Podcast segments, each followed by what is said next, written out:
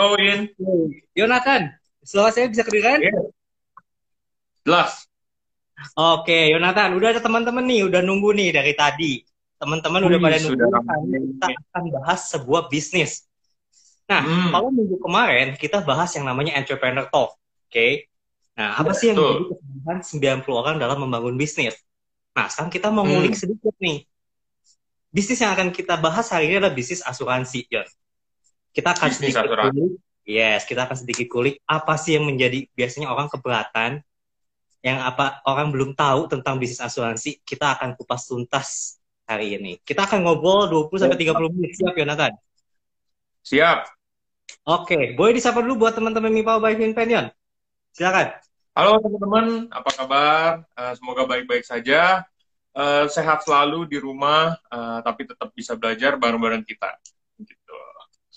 Oke, luar biasa banget. Semoga channel IG Live ini sangat-sangat menginspirasi buat teman-teman dan yang dapetin yang namanya ilmu- ilmu-ilmu pengetahuan yang lebih banyak lagi. Yonatan, Yes. Yes. sesuai tema hari ini, Yon. Membangun bisnis di bidang asuransi.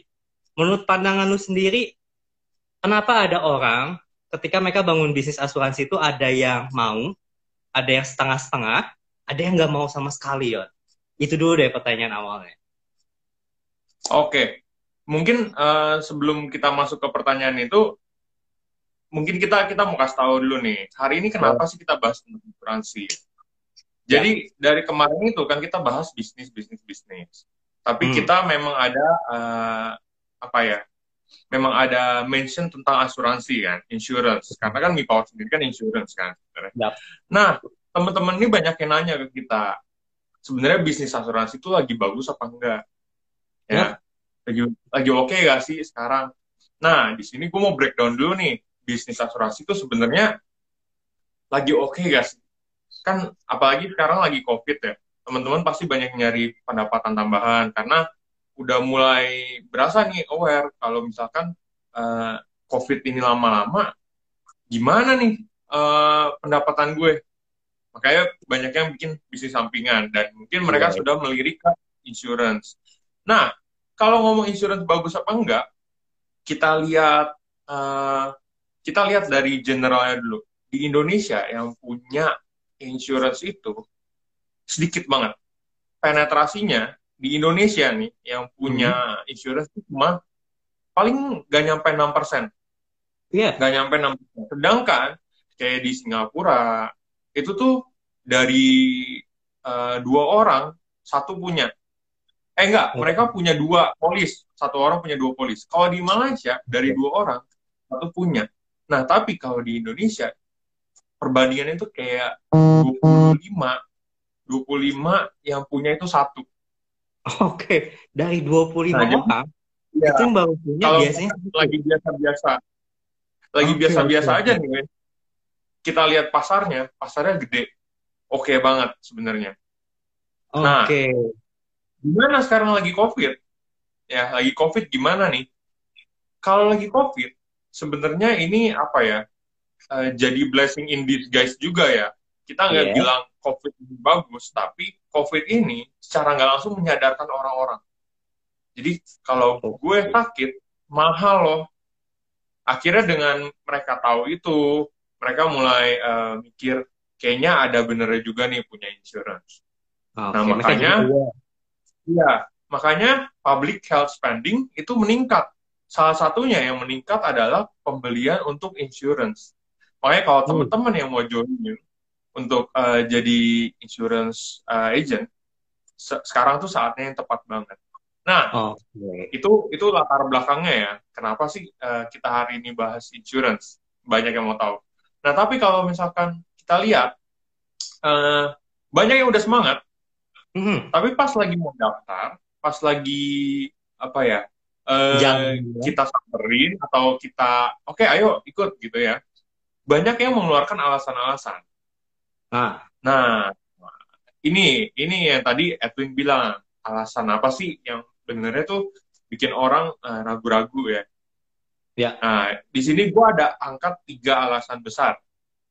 Tiga alasan besar. Ya. Yang pertama itu adalah hmm, gue bukan background sales. Ya, Iya, iya. itu banyak itu, banget. Itu, paling itu paling gue dengar banget ya. Karena ketika mereka ditawarin bisnis asuransi, biasanya mereka akan ngomong, aduh, Win, kayaknya gue nggak jago sales deh. Gue nggak punya latar Hmm. belakang sales deh. Gue nggak berani nih ketemu orang. Padahal sebenarnya yang gue ajak dia ini bangun bisnis loh, bukan sales loh ya. Yes, betul. Jadi eh, yang namanya join di insurance nggak melulu harus oke gue jualan eh, tujuh hari dalam seminggu nggak Hmm. nggak gitu. Jadi eh, mungkin bisnis insurance itu sudah berkembang dan kalian tuh nggak harus jualan melulu. Walaupun Iya. at some point kalian memang harus jualan gitu. Tapi banyak yang eh, mereka mau join tapi terhambat karena minder dia bukan background sales.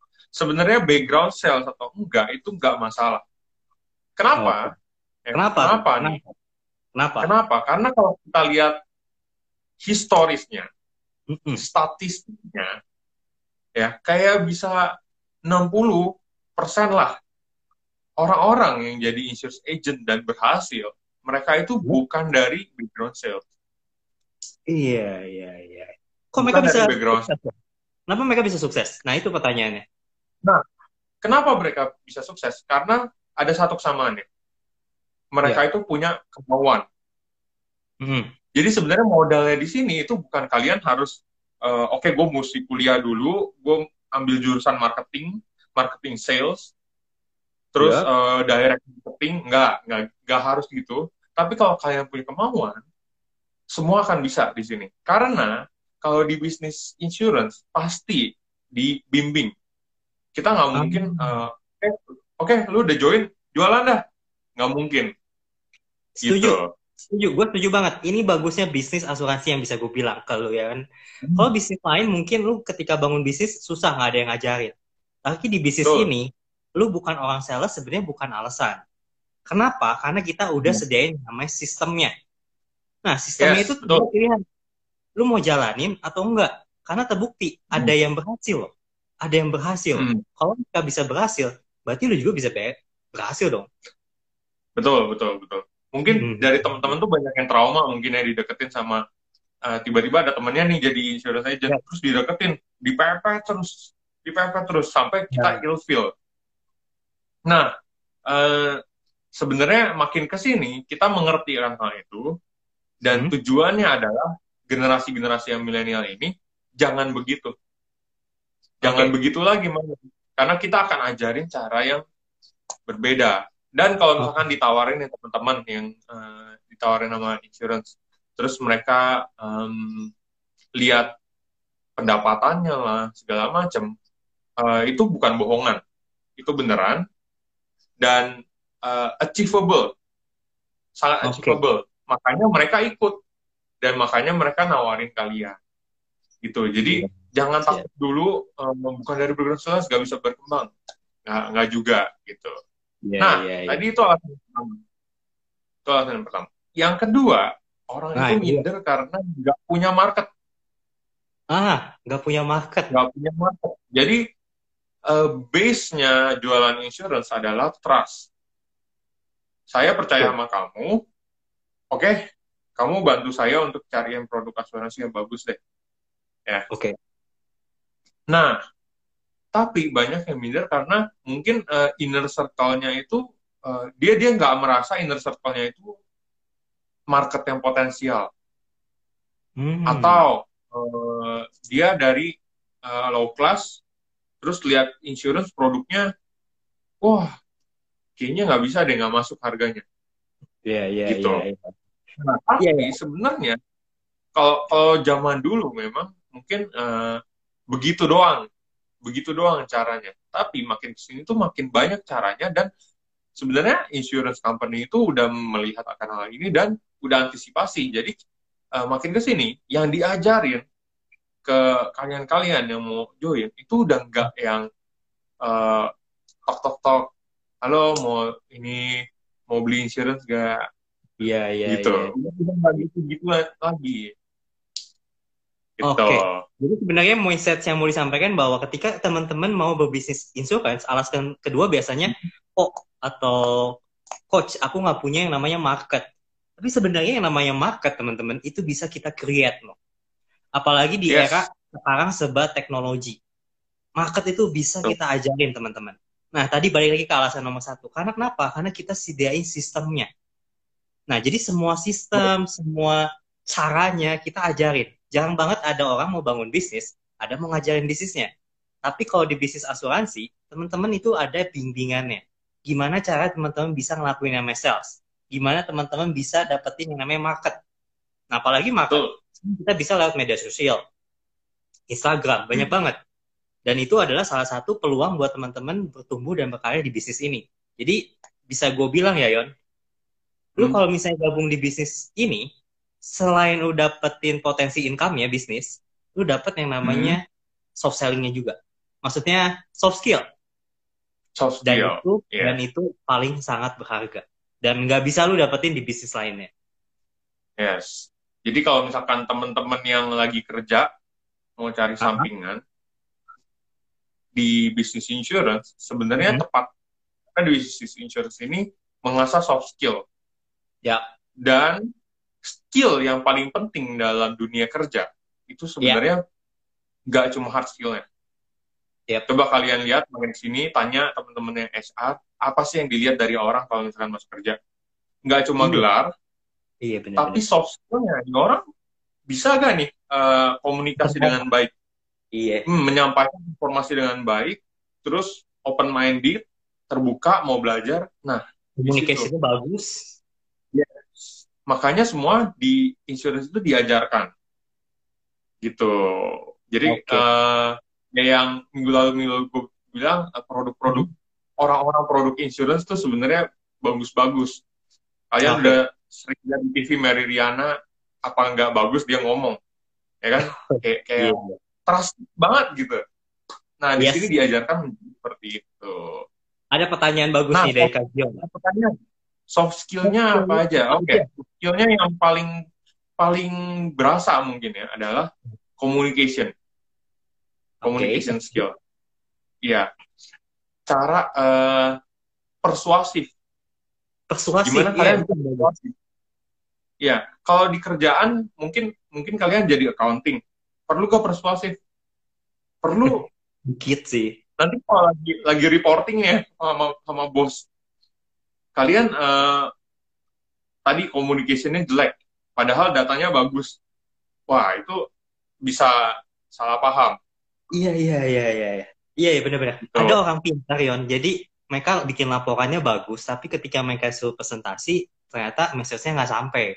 Nah, itulah hal-hal yang Hmm. sayang sih sebenarnya. Nah, teman-teman, contohnya di industri insurance, teman-teman bakal dapetin apa sih? Khususnya di Mipower by Sequest.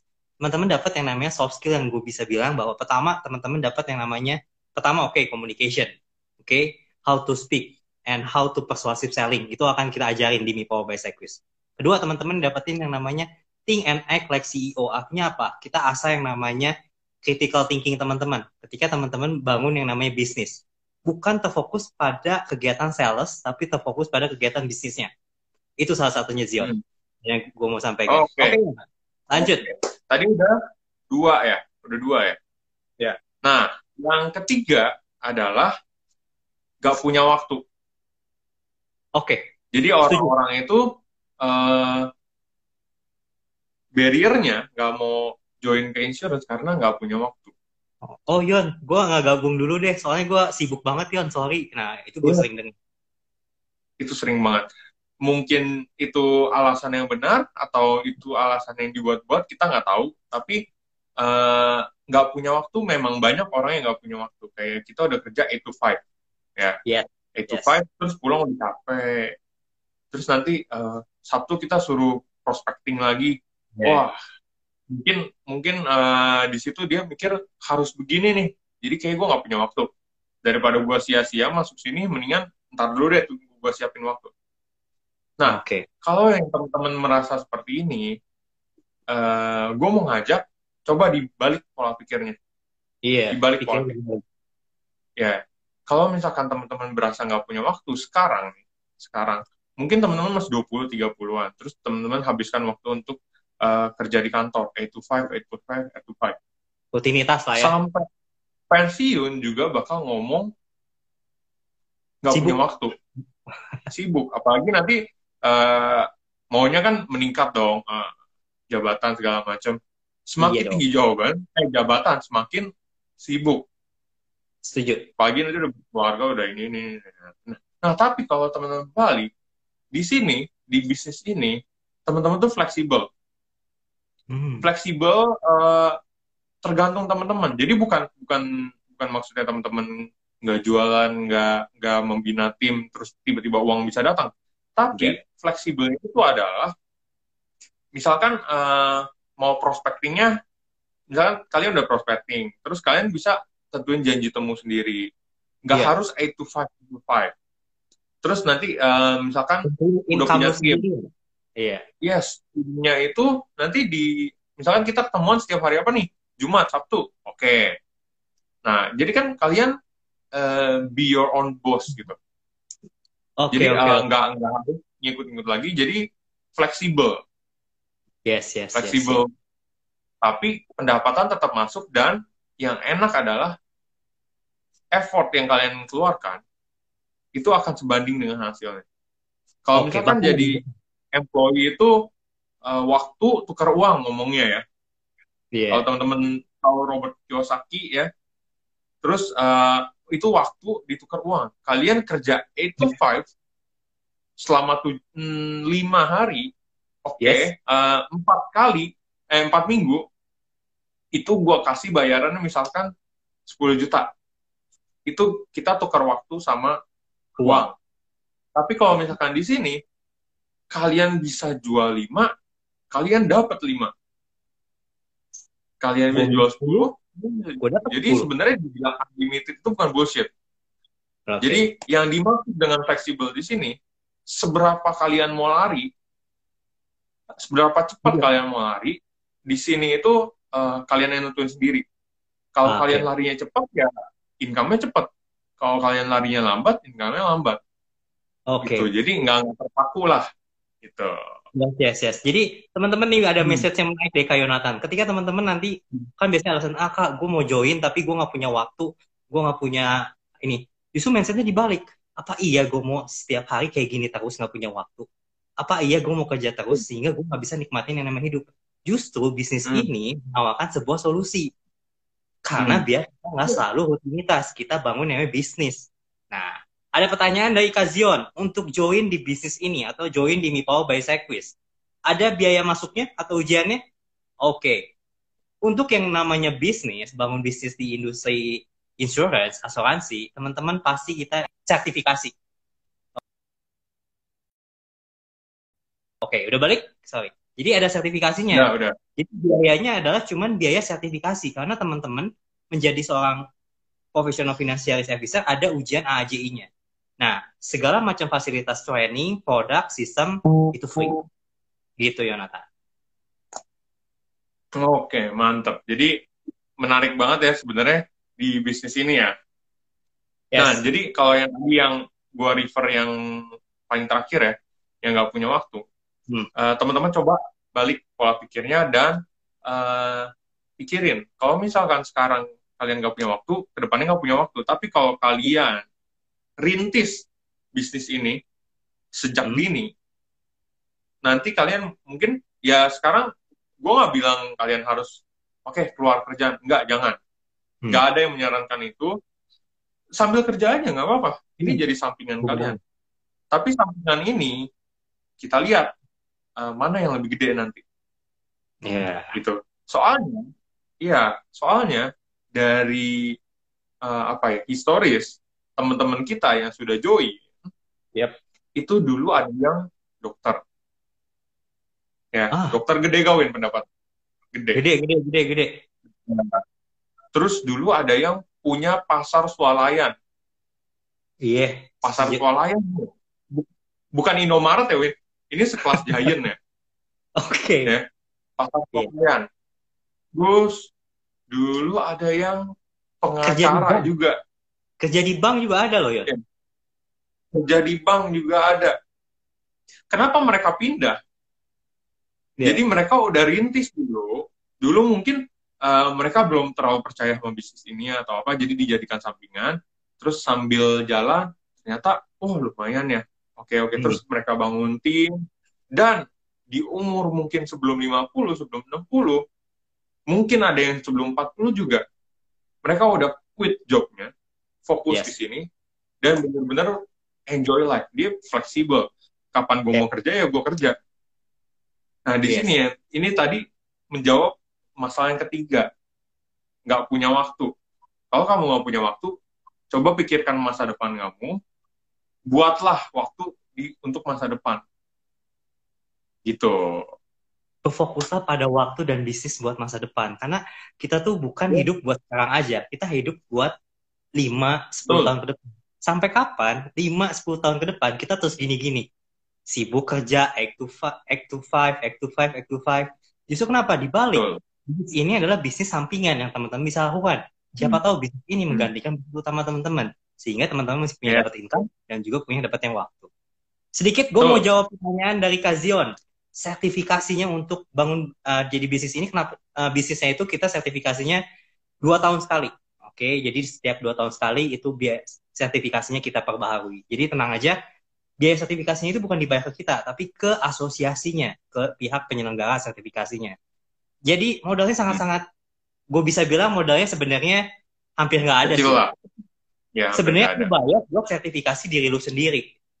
Lu kan dapat sertifikasi, lu dihargai sebagai profesional. Nah, lu tinggal jalanin bisnisnya. Gitu. Oke, jadi kalau okay. misalkan buat Kak uh, tertarik, langsung aja di DM di sini ke Mi Power Dolphin Plan, langsung aja DM. Kak, yep. uh, mau tanya-tanya lebih lanjut, uh, langsung aja. Hmm. Jadi di situ lebih detail kita bahas uh, dan lebih menyeluruh lah. Nah, yeah. uh, tadi udah bahas tiga ya, Win? tiga tiga, tiga poin. Yes. Ya, oke okay, itu tiga alasan yang paling gede kenapa orang uh, barriernya tinggi nggak mau masuk asuransi. Yeah. Nah, terus buat temen-temen yang udah mantep mau join, hmm. gue juga punya satu tips. Satu tips saja. Ya. Yes. Bukannya ada modal bensin, makan, oh. uang, pulsa. Oke. Okay. Ada, ada, um, ada.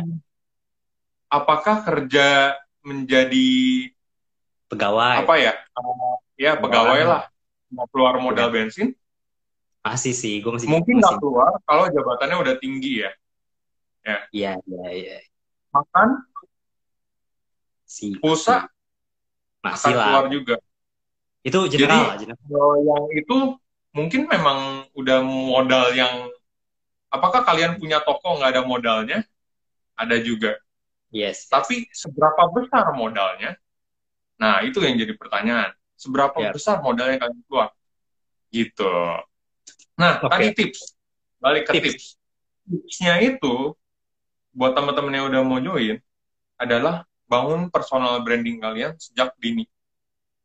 Oke. Okay. Ya. Jadi kalau tadi tadi bilang nggak ada market, terus tadi bilangnya apa uh, backgroundnya bukan sales, yes, nggak masalah. Hmm. Jadi kuncinya di sini adalah trust, Gimana kalian membangun personal branding kalian biar orang-orang tuh percaya. Gimana membangun personal branding? Banyak caranya.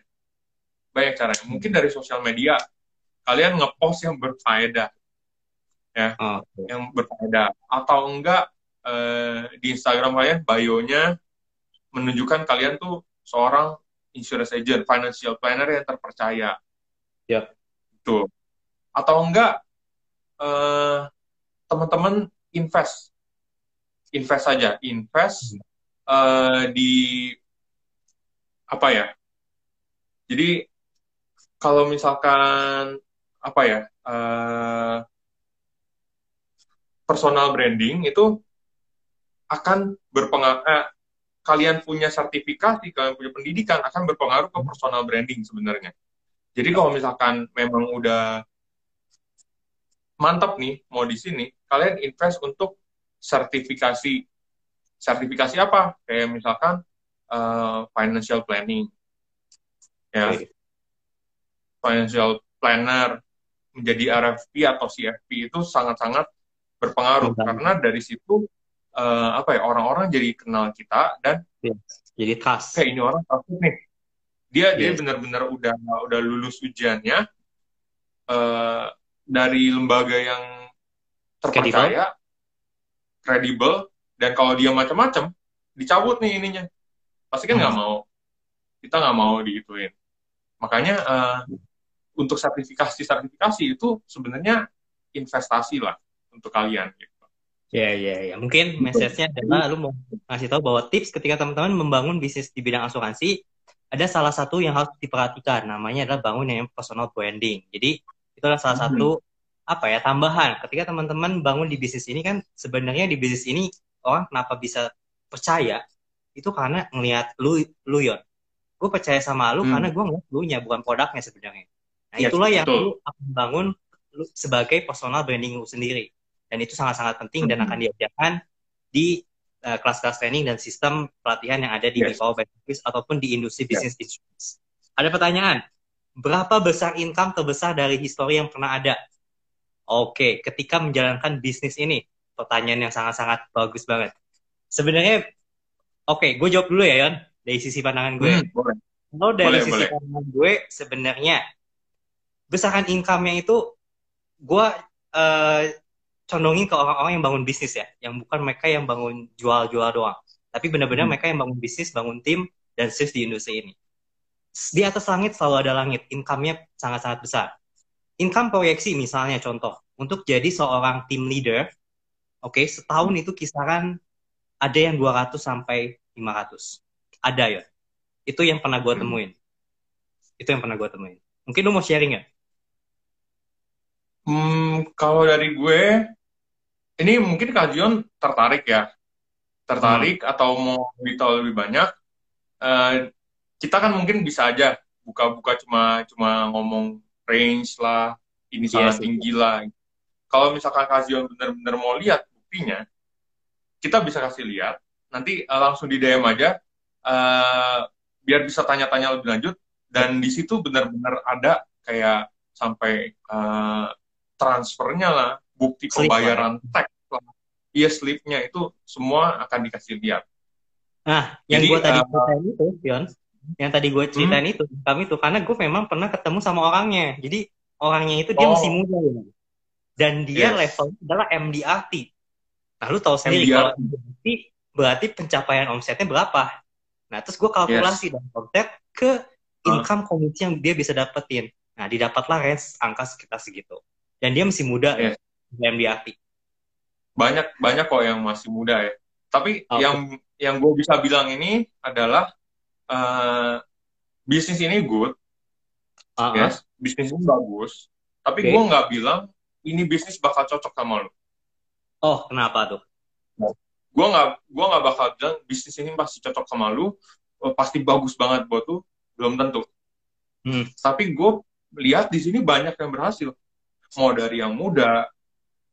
Jadi yang dari muda tuh eh, misalkan umur masih kuliah udah merintis Dua-dua. ada ya mungkin yang udah tua baru masuk yang neni-neni yang udah senior mereka itu juga ada loh.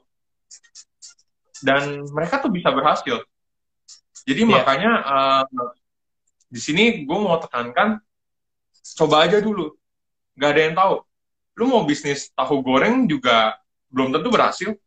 Yes. lu mau jadi profesional sejati yang sampai CEO, VP, direktur belum tentu jadi gitu. Oke. Jadi kalau misalkan balik lagi ke modal, kalau modal yang kalian keluarkan nggak gede, berarti kan kalian bisa cepat tuh gantinya, ya kan? Ganti-ganti arah, ganti arah. Tapi apa salah dicoba? Modal itu nggak gede. Yes, Gitu. yes, yes, yes, yes. Hmm. Nggak ada salahnya buat temen-temen coba. Oke, nggak ada Hmm. salahnya. Tadi udah dibahas dari tiga alasan yang biasa orang kemukakan. Oke, ada pertanyaan. Hmm. Ada nggak sih yang income-nya 1,7 M setahun? Oke, gue pernah lihat slipnya itu ada. Tapi itu levelnya adalah mereka udah team leader. Itu levelnya gue Hmm. bisa bilang cabangnya banyak banget. Dia bukan Nah, jualan tapi- secara personal. Mereka bangun bisnis. Win, Yes. kan tadi ada terus sudah tim leader. Ya. Mungkin ada yang bertanya, wah mesti berpuluh-puluh tahun banget dong. Apakah Ah. benar Win? apakah benar mesti memakan waktu yang lama atau sebenarnya enggak gitu ada gak ya? Menurut gue sih relatif Yon, semua tergantung dari orangnya sendiri. Kalau misalnya yes. lu contohnya kuliah deh, ada yang hmm. lulus 4 tahun, ada yang lulus 3 tahun, ada yang lulus 7 tahun. Padahal gurunya yes. sama, bukunya sama, tergantung sama orangnya lagi. Intinya apa? Hmm. Universitasnya kita yang sediain. Terbukti ada yang lulus 3 tahun, ada. Yang lulus 4 tahun, ada. Yang lulus 7 tahun, ada. Tapi semua tergantung ke orang-orangnya lagi. Jadi Hmm.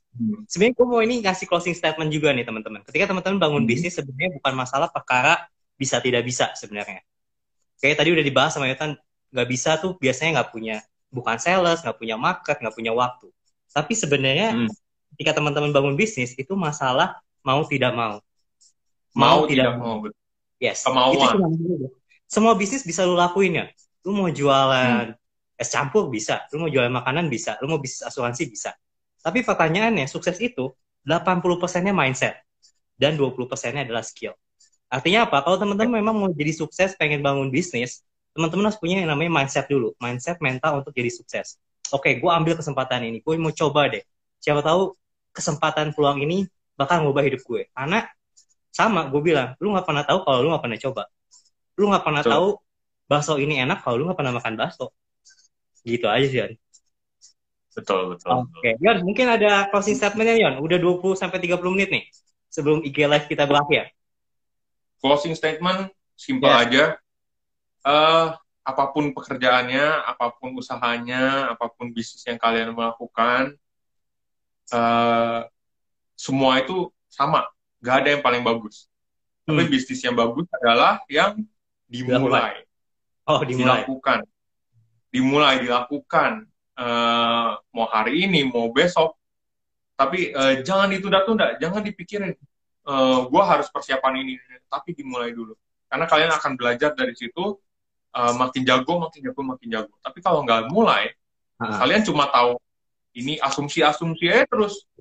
Yes. nggak ada nggak ada yang kenyataan gitu. Jadi itu aja dari gue. Oke. Okay. nih ada pertanyaan terakhir mungkinnya akan gue jawab. Nah, sebelum kita berakhir itu gue kasih link namanya bit.ly slash join me power. Jadi kalau teman-teman langkah pertama teman-teman tergabung di bisnis ini, teman-teman uh, boleh klik dulu deh itu bit.ly slash join me power. Kenapa? Nanti kita akan uh, DM secara personal karena waktunya akan cukup kalau kita ngebahasnya. Nah pertanyaannya terakhir yeah. adalah, oke okay, aku akan pilih berapa lama sih kalau kita bangun bisnis ini? Oke, okay, berapa lamanya? Oke, okay, kisaran satu tahun teman-teman bisa bisa bangun tim lah, aku bisa bilang. Oke, okay, karena waktunya hmm. itu bisa beda-beda Lalu kalau gagal gimana? Nah itu yang gue bisa bilang bahwa karena kalau misalnya masalah gagal atau enggak itu balik lagi ke teman-teman.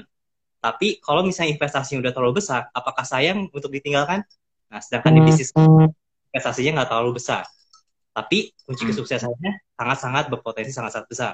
Artinya teman-teman bisa sukses dalam bidang apa pun. Yang kita mau hmm. berdua sharing pada siang hari ini adalah bahwa mau kasih sebuah perspektif baru ada loh bisnis hmm. yang teman-teman bisa coba resikonya nggak terlalu besar tapi income-nya sangat-sangat besar gitu Yonatan okay. mungkin kalau you, jawab sedikit kan Azion tadi Win boleh yeah. ya gue nambahin dikit ya boleh kalau misalkan tadi Azion bilang uh, berapa lama sampai berhasil dan kalau misalkan gagal berapa lama kita tinggalin definisi gagal itu apa sih kalau misalkan kita bangun misalkan usaha tahu goreng tahu hmm. goreng gagal itu kalau bangkrut, bener gak? Yeah. Gak ada yang beli, stoknya habis, uh, stoknya busuk, terus pegawainya nggak yeah. bisa kebayar, gagal. Terus kalian udah nggak punya modal buat lanjutin, itu gagal. Yeah. Tapi di sini kalian nggak stok barang, ya. Mm -hmm. Terus biaya sertifikasi hanya di depan dan itu murah banget, benar-benar murah. Terus uh, udah sama modalnya kemauan kalian Yes. Jadi definisi gagal itu balik lagi ke Kazion tadi. Apakah gue coba dua kali terus gak dapet, gue gagal. Atau hmm. gue coba 10 kali, gue gak dapet. Ternyata di 11 dapet, gue gak gagal. Jadi itu balik nah. lagi ke kualitas orang masing-masing. Iya, iya, gitu. iya. Benar-benar. gitu ya. Oke, okay, thank you. Untuk menjawab gagal atau enggak gitu. Oke, okay, thank you Nathan. Thank you buat teman-teman okay. yang udah tetap stay tune di mipower.finplan. Kita berdua mau sharing aja sebuah uh, hmm. industri baru buat teman-teman. Siapa tahu ini mendapat ilmu pengetahuan dan siapa tahu ini jadi peluang yang mengubah hidup teman-teman ke depannya. Oke? Okay? Thank yeah. you banget buat yang udah gabung selama 20 sampai 20 menit depan. Kalau misalnya teman-teman pengen tahu tentang industri ini, teman-teman bisa stay tune di IG Live ini karena besok kita ada acara juga bahas tentang tema eh sorry hari Kamis hari Kamis teman-teman akan dapetin yang namanya sebuah sharing juga yang sangat-sangat bagus. Itu jam 2 siang dan juga ada hari Jumat jam 11 siang. Oke okay? thank you buat semuanya. Gue juga sangat sangat thank you. semoga bermanfaat semoga bermanfaat dan tetap follow kita semua. Bye bye yeah. thank you. Thank bye. You, Thank you buat teman-teman yang udah gabung dan jangan lupa untuk like selalu postingan IG kita dan selalu stay tune di IG live kita yang ada setiap harinya. Oke, okay? buat teman-teman yang bisa gabung boleh DM dan nanti kita akan kasih tahu caranya. Bye bye, gue Edwin. Ciao.